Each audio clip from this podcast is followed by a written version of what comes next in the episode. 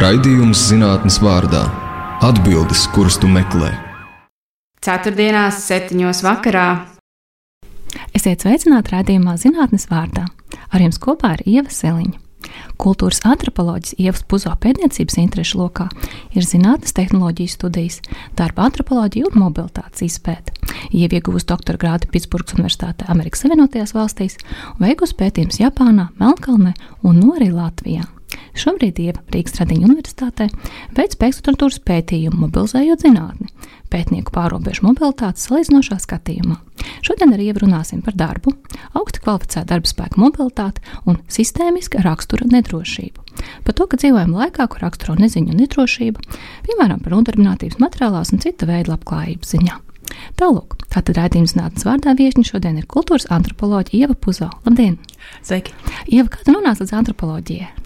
Jā, nu tas tāds uh, varbūt interesants stāsts, jo uh, mans bakalaura grāds ir Japānas studijās, iegūts Latvijas Universitātē pie, nu, pie, pirms nu jau uh, daudziem gadiem. Un uh, tagad man šis nu, starpdisciplinārais fons, uh, un pēc bakalaura studiju beigšanas uh, es sapratu, ka gribu studēt tālāk. Uh, un Japānas studijas, Āzijas studijas šķita nu, tas virziens, kurā turpināt doties. Un es tajā laikā pieteicos Fulbraita stipendijai, un man arī izdevās to iegūt. Un, un tādā veidā es nonācu uh, Berklijas Universitātē, Kalifornijā, uh, Āzijas studiju maģistra programmā, kur nu, tur tāda pieeja bija studenti vai nu izdzīvo, vai noslīkst. Un tādā ziņā, ka tev ir pieeja visiem kursiem, kas ir universitātē, kas universitātē tiek piedāvāti. Maģistrantūras, doktorantūras līmenī, un tu ej uz kuru nodaļu gribi, un, un pārliecina, pārliecina profesorus, ka, ka, ka tu tur gribi piedalīties. Cik amerikāniski? Nu, jā, jā. savā ziņā. Tiešām tā, tā arī tādā ziņā ļoti laba pieredze. Un uh, tad es devos uz dažādām nodaļām, dažādiem kursiem, un es tādā kā nu, uh, izslēgšanas procesā sapratu, kas ir tas, kas man nedara. Es sapratu, ka politikas zinātnē īsti nederēs. Āzijas studijas? Tas visu laiku ir fonā. Tas visu laiku ir fonā, jo arī mans maģistra grāds bija saistīts um, ar Japānas subkultūrām pēc tam arī pārēju tālāk doktorantūrā. Japāna bija šis mans reģionālais konteksts, kurā es veicu pētījumu. Tad šajā laikā, tiešām maģistrantūras laikā, es sapratu, ka antropoloģija ir tā. Tā joma, kurā es gribētu darboties, tieši, tieši nu, tās nu, kvalitāšu dēļ. Jā. Kādas ir šīs kvalitātes? Kāpēc? tieši antropoloģija, tā izvēle? nu jā, jā, antropoloģija, kultūras antropoloģija ASV gadījumā, Eiropas kontekstā mēs varam, vairāk runājam par sociālo antropoloģiju. Tā principā ir joma, kas pēta cilvēku sabiedrības salīdzinošā skatījumā.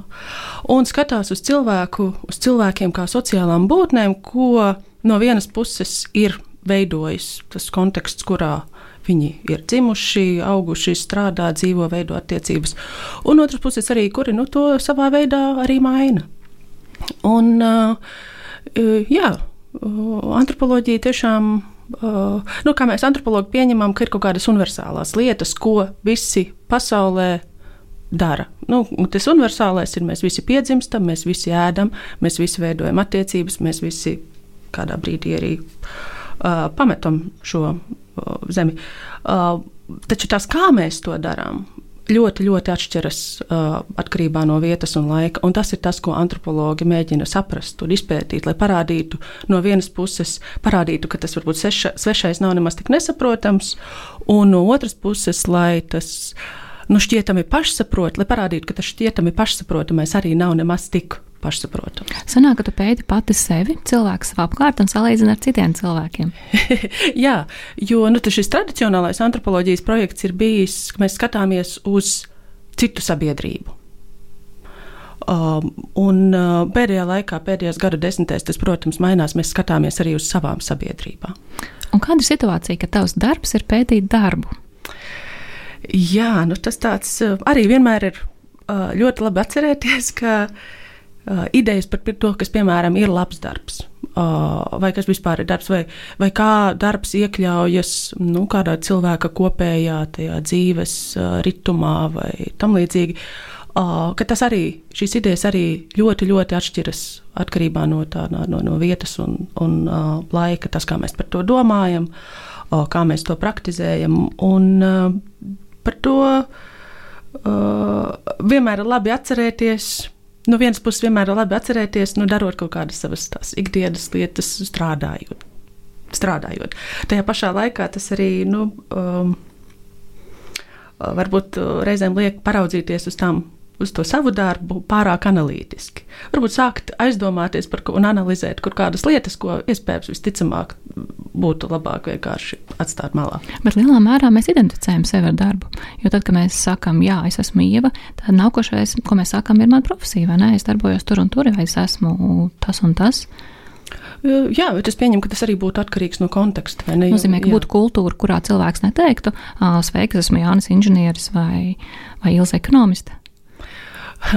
Tas ir interesanti, jo uh, atkal atgriežoties pie, pie šīm Japānas, Āzijas studijām, tad viens no tiem pamatprincipiem, ko mums nu, jau pirms, pirms uh, jā, gadiem apguvām, ir to, kā piemēram amerikāņi un japāņi uh, stāsta par savu darba vietu. Ka amerikāņi identificēsies ar, uh, ar savu to profesiju. Japāņi savukārt ar uh, kompāniju, kurā viņi strādā. Tas atkal pavisam ir vienkāršs piemērs, bet parāda, ka mēs jā, darbs ir svarīga. Darbam ir ļoti liela nozīme mūsdienu cilvēka dzīvē, taču arī atkarībā no tās vietas, kur mēs esam, šī izpratne par to, nu, kas tad īsti veido to piedarību vai nu organi, vai ir, kas nu ir svarīgākais? Vai tā ir piederība organizācijai, tā ir piederība uh, kaut kādai profesijai, tā ir piederība varbūt kādai noteiktai arī uh, nu, darbinieku paudzei, uh, varbūt. Uh, Arī mēs varam domāt par, par to, ko nu dēvē par to šo augsti kvalificēto, zemāk kvalificēto darba spēku un tā joprojām. Bet nesanāk tā, ka cilvēks izvēlas to, kas ir Um, Tātad darbs ir identitātes daļa, varbūt tas, kas ir ilgāku daļu, jo faktiski Japānā šī darba vieta ir gandrīz uz mūžu. Tu esi sācis strādāt, strādāt tur ilgus gadus, varbūt tu vari identificēties ar šo kompāniju. Bet Amerikā, kur darbu mēdz mainīt ik pēc vairākiem gadiem, un piecus gadus nostrādāt kompānijā skaitās daudz, varbūt tajā brīdī arī jāsaka, jā, es esmu inženieris tāpat kā bija iepriekšējos desmit gadus. Jā, nu Japānā, protams, arī šī situācija ir ļoti, ļoti mainījusies un uh, pēdējo desmitgažu laikā. Tāpēc, ka, jā, protams, pēc, īpaši pēc otrā pasaules kara, tā, nu, tā kārtība, kāda tika ieviesta, uh, tur bija tiešām saistīta ar to, ka ideāls, ideāls bija um, nu, šī nodarbinātība vienā kompānijā mūža garumā. Tu iestājies kompānijā un tad tu nostrādā tur līdz pensijai. Um, un, um, nu, atkarībā no šīs savas senioritātes, kāpu karjeras kāpnēm. Uh, pēdējā laikā, šis pēdējo desmit, varbūt vairāk gadu laikā, šis, šis ideāls jūg un brūk. Uh, tāpēc, ka tas, ko kompānijas arī nospiedošos ekonomiskos apstākļos pieprasa no darbiniekiem, pieprasa, turpina pieprasīt to pašu, ko ir pieprasījušas uh, no viņu tēviem un vectēviem jā, tie parasti ir tēvi un vectēvi, tāpēc ka uh, sieviešu loma arī joprojām ir tāda interesanta šajā vidē. Un, um, Turpina pieprasīt nu, ļoti garas darba stundas, turpina pieprasīt uh, nu, tiešām lielu, lielu investēšanos darbā. Tajā pašā laikā vairs nedodot to drošību, uh, kas viņu tēviem un vectēviem pienācās. Un tad cilvēki tiešām, um, nu, Japānas gadījumā, man liekas, to ļoti labi var redzēt. Uh, mēģina saprast, nu, kā, kā tad dzīvot tālāk, veidot varbūt kaut kādus jaunus modeļus, kā strādāt un saprast, kas ir labs darbs. Un, un, un šeit parādās šī ideja par, par, par nu, jēgpilnu darbu. Par to, ka mums ir vajadzīgs jēgpilns darbs.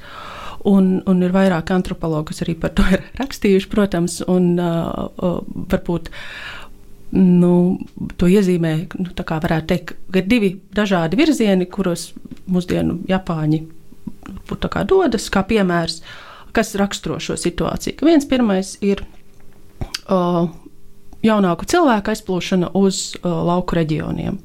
Japānā liela problēma, protams, ir pēdējo desmitgažu laikā tas, ka cilvēki pulcējas uh, lielajās pilsētās, migrācijas pilsētās. Jā, uh, un šobrīd, nu, nav tā, ka tie ir milzīgi skaitļi, bet jauni cilvēki tomēr dodas uz lauku reģioniem, mēģina veidot savu dzīvi tur, domāt par jēgpilnu darbu tur.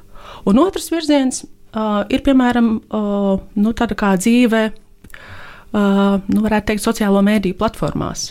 Uh, piemēram, uh, ir tur tā dēvētie neto aidoru, uh, interneta um, nu, tā kā influenceri. Uh, nu, es teiktu, ka avansētākā līmenī. Influencer 2.0. Jā, vai, vai, vai, vai, vai tur šīs kustības bija, es teiktu, ātrākā. Uh, kā citur pasaulē, varbūt. Bet ideja par to, kā mēs izmantojam kaut kādas platformas, lai radītu tām saturu un tādā veidā radītu nu, jēgpilnu darbu sev nozīmē, ka faktiski šī influencer profesija var attīstīties par kaut kādu faktiski jēgpilnu darbu. Jo šobrīd jau influenceris ir tas, ko skolas bērniem saka, tā teikt, izvēlēties kārtīgu darbu, neskaties uz YouTube ar influencer profesiju. Jā, nu, un, un šeit parādās tā mm, jēgpilnā darba meklējuma tumšā puse, es domāju. Tāpēc, ka um, no visiem šiem jaunajiem cilvēkiem, un, uh, gan Japānas gadījumā, gan arī influenceriem, um, nu, jebkurā šobrīd pasaules vietā, un es domāju, arī Latvijā, um, no šiem cilvēkiem, kas mēģina kļūt, kļūt veiksmīgi, slaveni, bagāti šajā vidē, to cilvēkam tas izdodas, ir ļoti, ļoti maz. Un principā nu, vienīgie, uh, varētu teikt, nu, vai galvenie ieguvēji tajā visā ir to platformu turētāji. Uh, YouTube, Instagram, šobrīd jau TikTok, un uh, Japānas skatījumā tur ir savas vietējās platformas. Uh, kas noteikts kaut, kādā, noteikts kaut kādas aktivitātes kā atbalsta un, un, un uztur. Un, jā, šajā kontekstā tiešām ir jāatceras, ka nu, ieguvēji jau galvenokārt būs tie, kam, tie, nu, tie, tie, kam šīs kompānijas pieder, kompāniju akcionāri un tam līdzīgi. Un jaunie censoņi, protams, jā, kādam izdosies, noteikti tajā pašā laikā lielākajai daļai. Nu, no otras puses, ir ļoti daudz profesijas, kur tas ir tieši tāpat. Piemēram, uzņēmē darbība. Nu, es nezinu, kāds ir prātīgs šī patiesā attiecība, bet es domāju, lielākā daļa uzņēmē darbība neizdodas. Tāpat arī ir dziedātāji vai aktieri, kas vēlas būt ekrāna zvaigznes. Cik daudziem izdodas kļūt par ekrāna zvaigznēm? Vai kaut vai, nu, jā. Arī sportisti, protams. Arī sportisti, patiesībā. Līdz ar to tā kā, nu, nevarētu teikt, ka šī profesija kardināli atšķirās no daudzām citām. Uh, savā ziņā varētu teikt, ka, ka tas, kas ir atšķirīgais, ir tas, kā ir šīs platformas, kas, kas rada vidi, kas sniedz šo nu, iespaidu, ka tas ir tik vienkārši. Un ka tur tiek piemēroti dažādi algoritmi, uh, kas rada tev šo iespaidu, ka tas ir vienkārši, ka ir kaut kādi mērķi, kas ir sasniedzami, ka, uh, Uh, ja tu vēl nedaudz pacentīsies, ka tūlīt, tūlīt, tūlīt, būs. tūlīt būs. Ja tu ieliksi pareizo video skaitu dienā, tūlīt, tūlīt būs.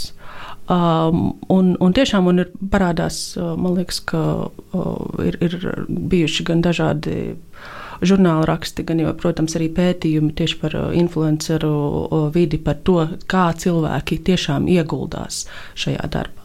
Un man liekas, šeit parādās arī vēl viena tā nu, mūsdienu darba iezīme, tā ka mēs tiekam aicināti nu, ieguldīt sevi visu darbā. Tādā izpratnē, ka tas jau nav tikai par mūsu um, nu, kaut kādu noteiktu darba darba kādām stundām. noteiktām darba stundām vai kaut kādām mūsu noteiktām prasmēm. Ne, tas ir par to, ka mēs izliekam sevi visu, ka tā mūsu personība kļūst par kaut ko tādu, no kā tiek radīta vērtība un tā tiek pārdota. Un, un es domāju, tieši domājot par uh, jā, influenceriem, tā, tā, tas ir tas, kur tas visvairāk varbūt arī šobrīd izpaužas. Nu, varbūt ietekme arī tajā, ka šī darba dzīve tīri dabiski saplūst ar mūsu atpūtas dzīvi. Tu mosties no rīta un pirmā lieta, ko tu dari, paskaties telefonu, tev ir darba e-pasta vai sestdienās, vēdienā kāds var uzrakstīt uh, kādu ziņu tev attiecībā uz darbu, tad faktiski šīs robežas jau pēc būtības paliek izplūdušas. Jā, un tās kļūst ar vien izplūdušākas. Um, Jo, piemēram, 90. gados es atceros, bija skaists uh, socioloģisks uh, darbs, grāmata uh, par to, kā um, nu, kādas kompānijas darbinieki ASV uh, nodala. Tiešām, tiešām veido robežas starp darba dzīvi un mājas dzīvi. Un galvenais, ko no, ko no tā mēs varam paņemt, ir tas, ka viņi principā veido šīs robežas, ka viņiem šīs robežas ir svarīgas. Vai nu tā ir, es nezinu, formas tērpa novilkšana pēc darba beigām, vai tā ir. Um, Es, dažādi, dažādi šie veidi, bet ideja par to, ka šīs robežas tiek novilktas. novilktas. Mūsdienās tas īsti tā vairs nestrādā. Ir tīpaši, protams, no Amerikas kontekstā. Nu, kāda iespēja tas atstājas cilvēkiem? Nu, jā, tiešām mēs, ka, ka darbs kļūst par ļoti, ļoti lielu daļu identitātes. Ja? Vai tas ir labi vai nē? Un es nezinu, vai mēs tā varam uzreiz tam piešķirt kaut kādu tādu kā vērtējumu. vērtējumu jā. Ir pēc būtības. Bet es teiktu, ka, to, um, nu, ka šī ir viena no tām lietām, ko nevajag pie, piešķirt, pie, uztvert kā pašsaprotamu. Ne? Ka šis, ka šis darb, darbs esi tu viss, vai tajā brīdī, ja tev neizdodas kaut, darb, kaut kas darbā, uh, nu, tajā brīdī tu esi uh, kļūda vai neveiksminieks vai kaut kas tam līdzīgs. Nu, jo, jo, jo it īpaši man liekas, ka tagad. Um, Covid pandēmijas laikā, tas, kā jau tu teici, vai ne, cilvēks no rīta pamostās un viņš uzreiz pa taisno dodas. Apstīties, kas ir pasaulē, tas ir caur telefonu. Tas ir caur telefonu, un arī, ja iepriekš varbūt bija kaut kāds nu, šis ceļš, Protams, mēs atkal runājam par noteiktu daļu darbinieku, ne jau par, par visiem strādājošiem. Bet, ja iepriekš, piemēram, bija ceļš uz darba vietu līdz oficiālai, kaut kāda pārslēgšanās, pārslēgšanās brīdis, šobrīd jau tā nav. Kā man nesen, o, pilnīgi ne ar pētījumiem saistītā sarunā, kad paziņa teica, nu jā, es pieceļos septiņos un septiņos nul vienā, es esmu pie datora, es jau strādāju. Ja, un šīs robežas um, arvien vairāk nobrūk. Un, šis pandēmijas laiks to ir vēl vairāk arī panācis. Šis ir raidījums zinātnes vārdā. Ar jums kopā ir Ieva Siliņa. Viesos mums šodien ir kultūras antropoloģija Ieva Puzala. Iepriekš runājām par darbu, bet tagad gribētos pieskarties augsti kvalificētu darba spēka mobilitātei. Ieva, kā ir pētīt zinātnieku kustību? Man liekas, tik kustīga darbinieku grupa ir šķiet reta kur. Jā, un tas atkal. Uh, jā, saistīts ar nu, dažādiem šiem zināšanu radīšanas režīmiem, kas šobrīd pasaulē kļūst ar vien uh, aktuālāk. Jo mans pētījums ir, es nedaudz ieskicēšu, ir par um, ārvalstu pētnieku pieredzēm trīs dažādos nacionālajos kontekstos - Japānā, Melnkalnē, Latvijā. Protams, pandēmijas kontekstā šis, šis projekta fokus varbūt ir nedaudz mainījies no lielāku uzsvaru tieši uz, uz Latvijas kontekstu, par ko es arī ļoti priecājos, jo šī man fantastiska iespēja veikt pētījumu Latvijā un, un uzzināt daudz, daudz vairāk par to, kā šeit notiek procesi. Un varbūt tas, kāpēc par, svarīgi par to runāt, ir tas, ka kā antropologam man ir ļoti svarīgi nu, saprast, kā cilvēki iedzīvina kaut kādas noteiktas, piemēram, zinātnes politikas, rīcību politiku. Jo, jo mēs redzam, zinām, ir dokumenti. Jā, mēs gribam, lai diasporas zinātnieki atgriežas Latvijā. Jā, un tas arī, un arī interesanti, kāpēc tieši kāpēc tie ir diasporas zinātnieki, uz ko mēs fokusējamies. Tas arī nav nu, tāds, tā nu, atbilde, varbūt nav tik pašsaprotama. Jā. Tā var šķist pašsaprotama. Tā nav. Un, protams, jā, Latvijas gadījumā tiešām ir milzīgs uzsvars uz diasporas zinātniekiem, diasporas augstā kvalificēt, augsti kvalificēto darba spēku. Un savukārt šiem nu, ārvalstu pētniekiem tiek pievērsta mazāka uzmanība. Mēs ļoti gribam ārvalstu studentus. Ar ārvalstu pētniekiem nav, nav tik vienkārši. Lai gan, protams, visos šajos nu, dokumentos, zinātnes, tehnoloģiju pamatnostādnēs, kas tagad tiek apspriestas, tāpat arī Nacionālās attīstības plānā parādās, tas, ka mums ir vajadzīga starptautiskā sadarbība. Nu, mums jau arī pietrūkst zinātnieki kā tāda. Līdz uh -huh. ar to diezgan būtu loģiski aicināt viņus atbraukt uz Latviju, radīt Latvijai vērtību un tā tālāk, lai viņi lem paši. Jā, un, un tad, tad arī būtu labi saprast, cik ilgu laiku šie cilvēki šeit ir gaidīti, kādi ir tie viņu darba apstākļi. Um, ko viņiem var piedāvāt, piemēram, pēc tam, kad kāds noteikts uh, projekts vai līgums ir beidzies, un, un tam līdzīgi. Un šeit ir svarīgi, protams, arī saprast, ka uh, šīs, gan šīs zinātnes, uh, gan šīs zinātnes rīcība politikas, gan arī, uh, protams, uh, cilvēku kustība, tā ir globāla. Mēs nevaram skatīties tikai, tikai uz Latviju. piemēram, tikai uz to, kas notiek Latvijā. Tāpēc, ka Latvija pilnīgi noteikti pārņem, nu, ieskatās citu valstu rīcību politikās, māc, mācās no kādiem piemēriem. Un, jā, gan latviešu zinātnieki piedalās šajā mobilitātē visā pasaulē, gan arī pie mums. Uh, vairāk vai mazāk nonāk pētnieki no valsts. Šobrīd jau sanāk faktiski tāda cīņa par katru zinātnieku. Kā nu kura valsts daži aicina ciemos, daži piedāvā uzturēšanās atļaujas vai savādākas lietas. Var redzēt šo te, ka jā, ir zinātnieki, šis te mm, smadzeņu kapitāls ir tik nozīmīgs, ka dažādas valstis jau cīnās, kur piedāvās labākus nosacījumus. Jautājums, vai mēs varam piedāvāt labākus nosacījumus? Jo attiecībā uz mūsu zinātniekiem mēs jau arī gribam, ka, jā, lai viņi aizbrauc pastažējās, iegūst zināšanas, atbrauc atpakaļ, nevis ka šajā valstī izdodas viņu savaldzināt uz visiem laikiem. Jā, nu šeit ir um, tāds interesants moments, gan kā um, visā pasaulē, it īpaši šajos zināšanu radīšanas centros, ko mēs uztram ASV, Lielbritānija, Vācija, Austrālija un tā joprojām. Um, arī Japānā. Ar vienu samazinās um, nu, šo pilnā laika darba vietu skaits. Tā teikt, to darba, nu, nodrošinātu darba vietu skaits. Tad cilvēkam ir tas, ko mēs varētu dēvēt par tenūru vai nu, nenoteiktu darba līgumu. Arvien vairāk ir zinātnieki, pētnieki, kas tiek nodarbināti uz nu, noteiktu laiku, uz pro, noteiktu projektu, uz visiem kontraktiem un tam līdzīgi.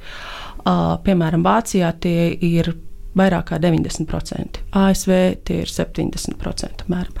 Lielāko, nu, tie, tie, šie cilvēki, kam ir šīs pozīcijas, tie ir fantastiskā, uh, fantastiskā vietā. Lai šādu pozīciju, lai šādu amatu darbu dabūtu, uh, tur vairs nav runa par talantu, tur vairs nav da, par, par, runa par to darbu, ko tu ieliec. Nu, tur tur sakrīt dažādi apstākļi.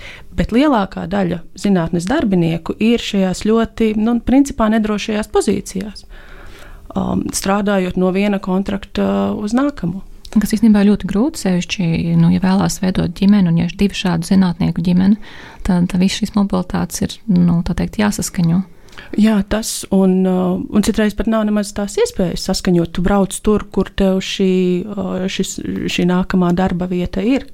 Nu, piemēram, kaut vai tiešām ASV kontekstā nu, pati valsts ir tik milzīga, ka uh, strādājot atsevišķos štatos vai atšķirīgās pilsētās, uzreiz uh, mainās uh, viss cilvēku dzīvē. Un, un šeit man liekas, uh, tas, ko es gribētu arī ar to savu projektu parādīt, ir tas, ka mums ir jādomā par zinātniekiem arī kā par cilvēkiem. Tādēļ, ka lielākoties visas šīs. Um, um, zinātnīs politikas tiek vērstas uz to, ka mēs skatāmies uz zinātnieku kā uz kaut kādas noteiktas vērtības radītāju, uz darbinieku. Un tur šis cilvēciskais elements pilnīgi pazūd. Jo tā kā jūs teicat, uh, uh, cilvēkiem ir arī personīgā dzīve. Uh, piemēram, pavisam nesen iznāca uh, raksts par to, kā jaunas pētnieces tiek aicinātas atlikt ģimenes veidošanu līdz tam brīdim, kad viņām būs pilna laika darbs, kad viņām būs šis stabilais darbs. Un ko tas tiek līdz šim darbam? Jā, tieši tā, tieši tā. Un, un, un šis uzstādījums, un tad runa bija par Lielbritānijas kontekstu. Un jā, tad kā? Un tad tev ir šis pagaidi, tu pagaidi, tu nedaudz pagaidi, tu nedaudz pagaidi. Un mēs ļoti labi zinām, ka šos reproduktīvos lēmumus nevar pieņemt tādā veidā. Uh, un, ja tur parādās vēl, vēl, vēl uh, citas nu, reproduktīvie uh, sarežģījumi, Um, tad uzreiz um, šī situācija kļūst ar vien komplicētāka un tā ietekmē uh, nu, cilvēku dzīves ļoti, ļoti um, nu, nopietnos veidos. Nu, arī teiksim, šis te atliktais lēmums veidot ģimeni arī atstāja lielu iespēju uz karjeru. Jo, ja šis bērniņš jau nav bijis karjeru uzsākot, tad ir ļoti grūti plaukstošu karjeru apturēt, lai veltītu vairākus gadus mazulim. Kas, protams, manā skatījumā ir ideāls laiks, nu, tā teikt, variants nevis au, kāds auklītis algot, bet tiešām veltīt laiku bērniņam. Jā, un uh, tas tiešām. Uh, Par to arī arvien vairāk tiek runāts. Par visiem šiem elementiem arī pētnieki arvien vairāk par to runā.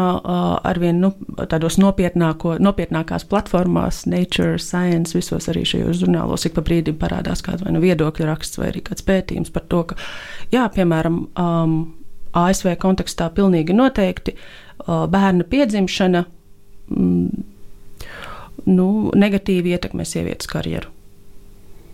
Vai, piemēram, tādēļ, ka tur arī uzreiz tur gan ir pilnīgi citi tie noteikumi par atgriešanos darbā un tam līdzīgi.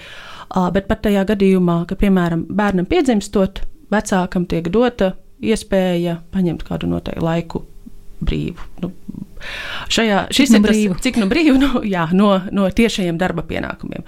Tas, kas notiek šajā laikā, ir sievietēm šī nu, pēdiņās produktivitāte sarūk. Vīriešiem, zinātniekiem, ja viņi ir paņēmuši šo uh, nu, atvaļinājumu no darba, produkti, produktivitāte pieaug, tāpēc ka viņiem ir kāds cits, kas principā nu, uzņemas galvenās rūpes par bērnu.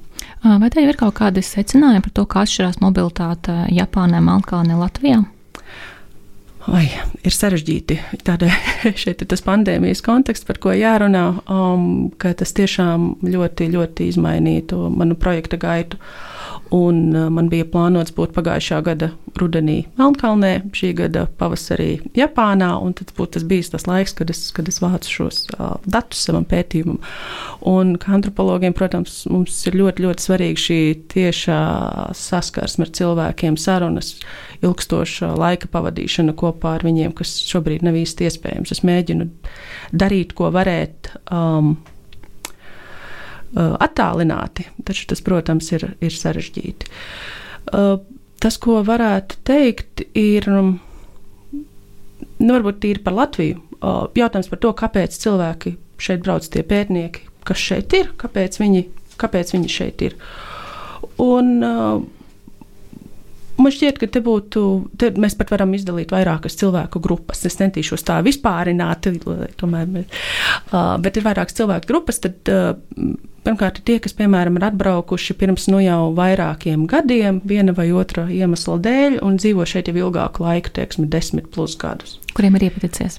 Kuriem ir iepaticies, vai kuriem bijuši personiski apstākļi, kas viņus ir atveduši uz Latviju, un uh, vai varbūt neiepaticies, bet viņi ir redzējuši šeit um, nu, tādu labu iespēju, labas karjeras iespējas, ka ir kaut kāda niša, ko piemēram šeit var attīstīt. Tādu skatu. Uh, tad ir cilvēki, kas ieradušies noteikti programmu ietvaros, piemēram, šīs pašas pēcdoktorantūras programmas ietvaros, uh, vai arī noteikti doktorantūru uh, ietvaros. Un tādi, kas ir atbraukuši uz Latviju arī nu, personīgu iemeslu dēļ, uh, kuri, piemēram, ir atkal uh, partneris vai partnere no Latvijas, un uh, tā nu viņi ir nonākuši Latvijā vai tuvāk Latvijai, un, un, un šī darba meklēšana sākas būt izējot no šiem personīgiem apstākļiem. Un to tiešām nevajadzētu novērtēt par zemu, to šo, šo personīgo, šo zinātnieku personīgo dzīvi nevajadzētu no, no, novērtēt par zemu. zemu. Un, uh, jā, un kā, kā un kāpēc viņi ir nonākuši Latvijā, piemēram, tiešām šie personīgie apstākļi pilnīgi noteikti ļoti, ļoti svarīgs faktors. Uh, ir bijušas iepriekš izveidotas saites vai no nu konferenču ietvaros vai, vai citos kontekstos ar pašreizējiem kolēģiem. Uh, tie ir cilvēki no kaimiņu valstīm, tāpēc ka uh, Viņi jau par mūsu valsti zina. Viņi zina, viņi, viņi arī zina, ka viņiem būs tuvu. Uh, jo, piemēram, kāds pētījuma dalībnieks mans uh, strādā Latvijā. Uh, nu, pat pandēmijas laikā ik pa brīdim devās uz, uz, uz savu mājas valsti, jo savukārt tur bija ģimene un tur bija uh, partneris, kas savukārt atkal uzņēmās visas rūpes par ģimeni un tā joprojām. Uh, tā kā šis nu, fiziskais tuvums arī daudz ko ietekmē. Un, un, jā, un es domāju, ka šeit parādās arī vēl viens iemesls, tas, ka šeit Latvijā ir iespēja varbūt, izveidot to savu nišu. Uh, nu, veidot kaut ko jaunu, uh, būt vienam no uh, nu, šiem kaut kādiem celmlaužiem kaut kādā jomā. Varbūt mazā nišā salīdzinoši, bet, bet ir. Bet parādās kaut kāda šī iespēja, ka to šeit var uh, darīt. Jā. Jā, mēs esam iespēja zeme, vai ne? Radās, nu, ka arī cilvēki no malas to pamana.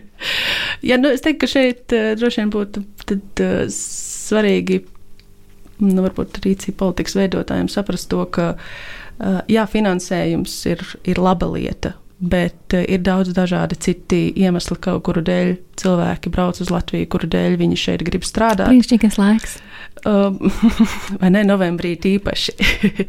un ir ļoti, ļoti svarīga tā vide, kurā viņi tiek uzņemti. Um, atkal neminot vārdā nevienu arī teksim, institūciju, bet šī institucionālā vide ir ļoti, ļoti svarīga, kurā cilvēks tiek uzņemts. Piemēram, ja nu, ir sarežģīti ja administratīvais personāls, piemēram, nerunā angļu valodā, uh, vai ir uh, sarežģīti, ja cilvēks jūtas kā um, nu, tāds tiešām piektais ritenis, ka viņš īsti nesaprot, kāda ir tā viņa loma tajā pašreizējā darba vietā. Uh, ja, piemēram, visi dokumenti, nu, ir kā sīkums, bet visi dokumenti uh, ir jā, jāizpilda latviešu valodā. Nu, piemēram, arī šajā pēcdoktorantūras projektā mums visi, visas atskaites, visam ir jābūt latviešu valodā. Pētījuma pieteikumam daļai arī bija jābūt latviešu valodā. Tāpēc visām atskaitēm kaut kam ir jābūt latviešu nu, tas būtu valodā. kārtībā, ja būtu šis atbalsts un cilvēks, kas palīdz, jo patiesībā zinātniekam jau jārada vērtība, nevis jāizpilda atskaites. Jā, un šeit man parādās tas lielskais jautājums, kas ir tie cilvēki, kas sniedz atbalstu. Uh, Jo beigu beigās, uh, kā parādās manā pētījumā, arī tie ir viņu latviešu kolēģi, vietējie kolēģi, kas palīdz ar tulkošanu, uh, kas palīdz ar dzīves vietas atrašanu, kas palīdz ar uh, daudzām citām, nu, ar gan sadzīviskām, gan arī ar darbu saistītajām lietām. Un nu, šeit ir tāds interesants jautājums, ka labi, mēs no vienas puses arī savā pētījumā runājam par ārvalstu pētnieku pieredzi Latvijā, bet tā ir neizbēgami saistīta ar, arī ar, ar vietējo zinātnieku pieredzi. Un te parādās tas paradoks par to, ka nu, no vienas puses um, nu, zinātne balstās uz to, ka mēs sadarbojamies. Ne? Mēs balstās uz to, ka mēs klausāmies, ko stāsta citi, mēs palīdzam citiem, mēs uh, lūdzam, lai mums palīdz, lai nezinu, rakstus, rakstus lasa un komentē, un pēc tam citiem. Un tā joprojām. Tā, tā viss ir sadarbība. Un tajā pašā laikā ir arī šis milzīgais uzsvars uz to, ka tavs darbs tiek vērtēts ļoti, ļoti individualizēti un ļoti, ļoti kvantitatīvos mērījumos. Un tad pienāk šis brīdis, kad tas, cik ļoti tu esi ieguldījis, piemēram, lai palīdzētu savam uh, ārvalstu kolēģim iejusties šajā vidē. Patiesībā tā būs mīnus. Tas, tas būs mīnus, jo tas, tas ir tas laiks, ko tu neesi veltījis publikācijas rakstīšanai, piemēram. Kas patiesībā vajadzētu tieši otrādi, vai ne? Jo vairāk sadarbojoties, visiem rezultāti būtu augstāki. Jā, nu, tiešām vajadzētu domāt par to, nu, atgriežamies pie tiem jautājumiem, par, par ko ar vien vairāk un skaļāk runā uh, zinātnieki visā pasaulē, par to, kā mēs mērām šo zinātnieku darbu. Un šeit vajadzētu parādīties arī kaut kādiem šiem veidiem, kā, nu, kā nu, novērtēt šo sadarbību, kā novērtēt to, ka mēs veidojam tādu iekļaujošu vidi, kurā uh, nu, citi var un grib atrasties, un tas uzreiz kļūst uh, nu, ražīgāk. Ka faktiski vienīgais mērs nav publikāciju daudzums un kvalitāte. Jā, jā, un par to tiešām ar vien vairāk uh, arī tiešām visā pasaulē sāk, sāk runāt. Uh, Uh, šī San Francisco Dora deklarācija, tāpat um, 2015. gadā, manuprāt, iznāca. Uh, tika publicēta, publicēts tā dēvētais Leidenas manifests, Leidena manifesto, kur tie cilvēki, kas principā izveidoja šo um, uh, nu, publikāciju indeksācijas, novērt, kvantificētās novērtēšanas sistēmu, kur viņi uh, parāda, ka paklau, Džeki, mums ir jādomā savādāk. Ka mums ir jādomā par citiem kritērijiem, kā novērtēt zinātnieku darbu. Tā kā šīs sarunas kļūst ar vien aktuālākas un skaļākas visur pasaulē. Un prieks, ka arī pie mums. Šis ir raidījums zinātnes vārdā. Ar jums kopā ir Ieva Seliņa. Viesos mums šodien ir kultūras antropoloģija Ieva Puzo. Iepriekš mēs runājām par augstu kvalificētu darba spēku mobilitāti. Tagad gribētos pievērsties nedrošībai, kurā mēs šobrīd dzīvojam. Ieva paskaidro, lūdzu, kas tieši ir sistēmiska rakstura nedrošība, viena no tām pētniecības interesēm. Jā, nu tas ir tas, ko angliski parasti dēvē par precarity. Un um, šo apzīmējumu latviešu man tulkojumu pirms kāda laika piedāvāja um, antropoloģija Dace Zenovska. Šis ir viņas risinājums šim jēdzienam, un es par to ļoti pateicīgi. Man liekas, tas ļoti labi arī uh, nu, skaidro šo um, jēdzienu. Un uh, tiešām manas tās pētniecības intereses ir par šo akadēmisko sistēmiskā rakstura nedrošību, ko jau, mēs jau arī nedaudz uh, pieskārāmies un par ko arī arvien vairāk tiek uh, nu, šobrīd runāts. Piemēram, pirms pāris dienām iznāca OECD uh, nu, garš, garš, garš ziņojums tieši par šo akadēmisko uh, sistēmiskā rakstura nedrošību. Nu, jau senos laikos cilvēki bija secinājuši, ka nekas nav patstāvīgāks par pārmaiņām. Vai tiešām šobrīd ir kas savādāk? Jā, nu, tas ir tāds interesants jautājums. Uh, savādāk. Um, tādā izpratnē, ka, jā, ka mēs runājam, nu, kā pētnieki runā par to, ka nu, tagad ir šis, nu, principā, nu, neoliberālismā laiks, tas ir tas laiks, kuru principā raksturo uh, nedrošība. Un to īpaši spilgti iezīmē varbūt tā drošība, no nu, sistēmiskā rakstura drošība, kas ir bijusi pirms tam. Ka mēs mērām pašreizējo nedrošību pret to drošību, kas ir bijusi iepriekš. Piemēram, kā es Japānas gadījumā minēju, pēc otrā pasaules gara izveidot, kara izveidot šī sistēma, kurā nu, mēs izjām to, ka mums visa sabiedrība ir vidusslāņa sabiedrība, visiem ir darbs, visiem ir ielikās Ideālajā gadījumā visiem vīriešiem ir darbs līdz uh, pensijas vecuma iegūšanai, un tā joprojām.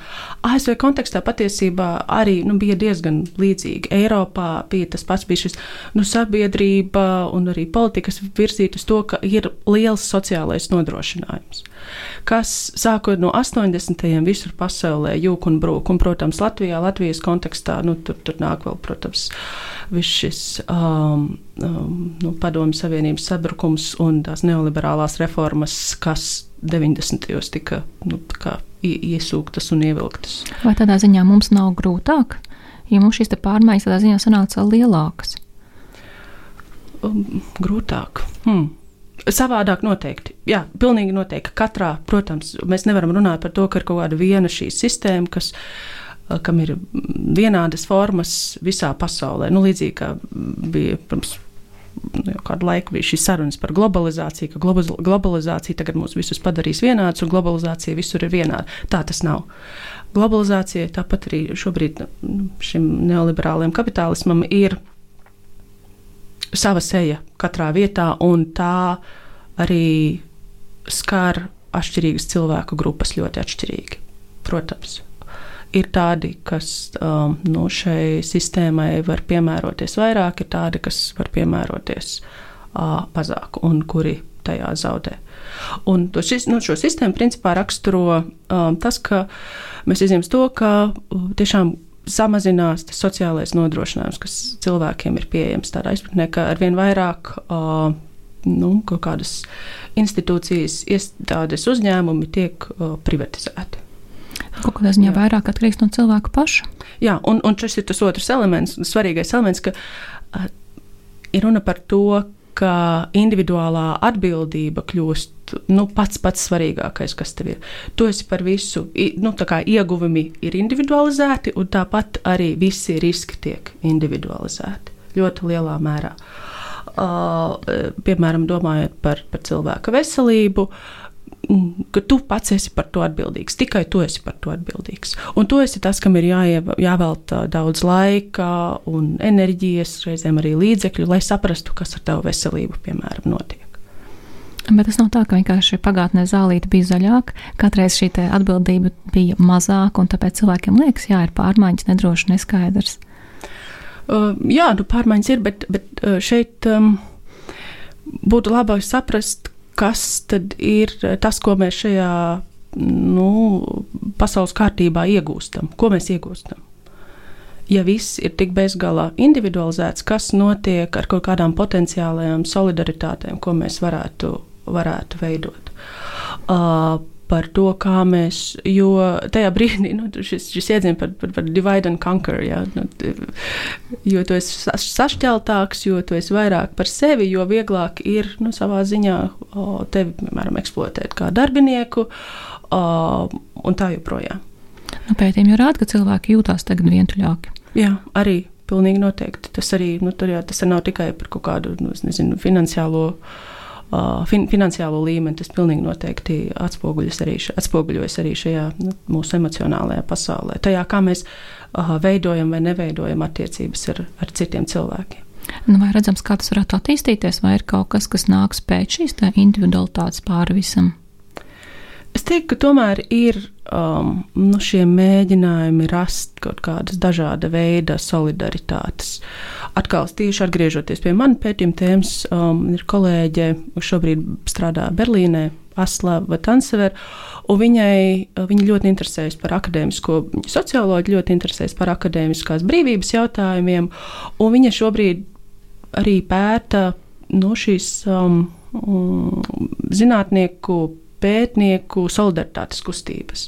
Skatās uz tiem mēģinājumiem, nu, veidot kaut kādas, ja, nu, nu, ja ne gluži um, arotbiedrības, bet nu, kaut kādus uh, nu, kopīgus mēģinājumus iestāties par drošākiem, piemēram, darba apstākļiem, kaut kādiem skaidrākiem, noteiktākiem un tam līdzīgi. Un kā viņas pētījums parāda, ka tādas parādās ar vien vairāk. Un arī Lielbritānijas gadījumā mēs varam redzēt, ka šī lielā arotbiedrība, kuras ietvaros, piemēram, pētnieki un docētāji protestē pret kaut kādiem uh, budžeta griezieniem un tam līdzīgi. Nu, šīs lietas jau ne tikai šis labums, kas ir iegūts no esamība šādā organizācijā, bet arī šis sociālais brīdis, kas mums ļoti iedod piedarības sajūtu, kas mums kā sociālām dzīvniecībām ir ļoti, ļoti vajadzīgs. Un mēs atgriežamies pie tā, ka mēs jūtamies vientuļāk un esam vairāk paši par sevi. Varbūt šo kopienas sajūtu tas varbūt ir tas galvenais, ko cilvēki meklē šādās organizācijās. Um, nu, jā, no vienas puses tā, tas ir par kopienas sajūtu, no otras puses ir tas par to, ka tu saproti, ka nu, tajā kopībā ir arī kaut kas spēks, ka to tavu balsi noteikti dzirdēs uh, vairāk. Um, nu, ja, tā, šo, ja šo balsu būs vairāk kopā. Uh, jo man šķiet ļoti interesanti, es neesmu to pētījusi, bet, uh, piemēram, runājot ar kolēģiem pie, no, no Dienvidu Austrum Eiropas, no, no bijušās Dienvidslāvijas, kur joprojām ir salīdzinoši mm, nu, spēc, salīdzinoši spēcīgas arotbiedrības vai kaut kādas tās e, idejas par, par, par uh, nu, nodarbināto tiesībām un tam līdzīgi ka tur šie jautājumi, piemēram, par, par, par pētniecības uh, interešu lokā, parādās daudz, daudz vairāk nekā, piemēram, mūsu kontekstā. Uh, un tas ir interesanti arī domāt, man nav atbildes. Tas ir interesanti domāt par to, uh, kāpēc tas tā ir. Jo, jo tur tiešām šīs kustības ir, uh, no šīs darbinieku solidārās kustības ir vēsturiski, acīm redzot, bijušas daudz uh, spēcīgākas, un šis vēsturiskais konteksts arī ir, ir, ir ļāvis nu, paturēt šos jautājumus gan um, nu, pētniecības interesu lokā, gan arī pašiem pētniekiem būt ļoti um, aktīviem dažādās šajās solidārajās kustībās. Ko tu ieteiktu mūsu lasītājiem, kuri arī klausās un, un, un jūtās varbūt nedroši, vai šīs pārmaiņas ir kaut kas, kas vienkārši jāpieņem, vai varbūt ir kas, ko darīt, lai justos labāk šajā pārmaiņu laikā? Es teiktu, kārtējo reizi tas pieņemt šo šķietami pašsaprotamo nu, stāvokli. Uh, atcerēties, ka tas nav tik pašsaprotams, ka ir kaut kādi noteikti uh, globāli, reģionāli, nacionāli, institucionāli mehānismi, kas šo vidi rada. Un, un šeit ir tiešām runa par tām solidaritātēm, ko mēs varam veidot un ko mums vajadzētu veidot dažādos veidos, uh, lai mēs spētu kaut kādos brīžos varbūt pretoties nu, šiem, šiem dažādiem mēģinājumiem, nu, visu pārlieku individualizēt, visu pārlieku, visu atbildību pārlieku uh, noveļot uz uz uh, cilvēku vienu pašu. Nozīmē, ka kopā darbojoties lielāks spēks, vai ne? Jā, pilnīgi noteikti. Kas tev pašai lielākais izaicinājums tā pētnieciskajā darbā? Jā, nu šobrīd, šobrīd tie tiešām ir šie metodoloģiskie izaicinājumi. Tas, ka uh, man ir ļoti grūti saprast, kurā es brīdī tiešām varētu nonākt Japānā, kurā brīdī es varētu nonākt Melnkalnē, lai uh, nu, tiešām runātos ar cilvēkiem aci pret aci, lai spētu labāk un vairāk un, kvalitatīvāk pavadīt kopā laiku. Nobeidzot sarunu, kas ir bijis pats lielākais pārsteigums tavā darbā? Pārsteigums. Pētnieciskajā darbā. Hmm. Es teiktu, ka pārsteigumi ir katru dienu, un uh, man katra um, saruna, katra intervija ar pētījumu dalībniekiem man parāda, cik, piemēram, Latvijas kontekstā, cik fantastiski cilvēki šeit ir, cik fantastiski cilvēki strādā Latvijas pētniecības institūcijās. Vienalga vai nu, no Latvijas vai no kādas uh, citas vietas. Cik ir interesanti dažādi projekti, kas tiek realizēti. Kā cilvēki spēj um, nu, tiešām uh, savienot šo personīgo dzīvi ar uh, darbu un kā radīt uh, šeit uh, vidi, kurā viņi nu, nu, var justies uh, labi. Un, un, un tiešām tas katra šī saruna, katra intervija uh, tiešām liek. Nu, atgādina par to, cik, cik fantastisks cilvēks šeit dzīvo un strādā. Mūsu cilvēku, mūsu bagātība. Nu, noteikti, noteikti. Paldies! Ievas no sirds priecājas tiem atklājumiem, novēl panākums arī turpmāk, lai izdodas stāvēt plānotie braucieni un kvalitatīvas intervijas. Atgādinu, ka raidījumā zinātnes vārdā bija kultūras antropoloģija Ieva Puzo. Studijā bija Ieva Siliņa. Lai jums visiem sokās darbā! Atā! Paldies! Raidījums zinātnes vārdā - atbildes, kuras tu meklē. Ceturtdienās, septiņos vakarā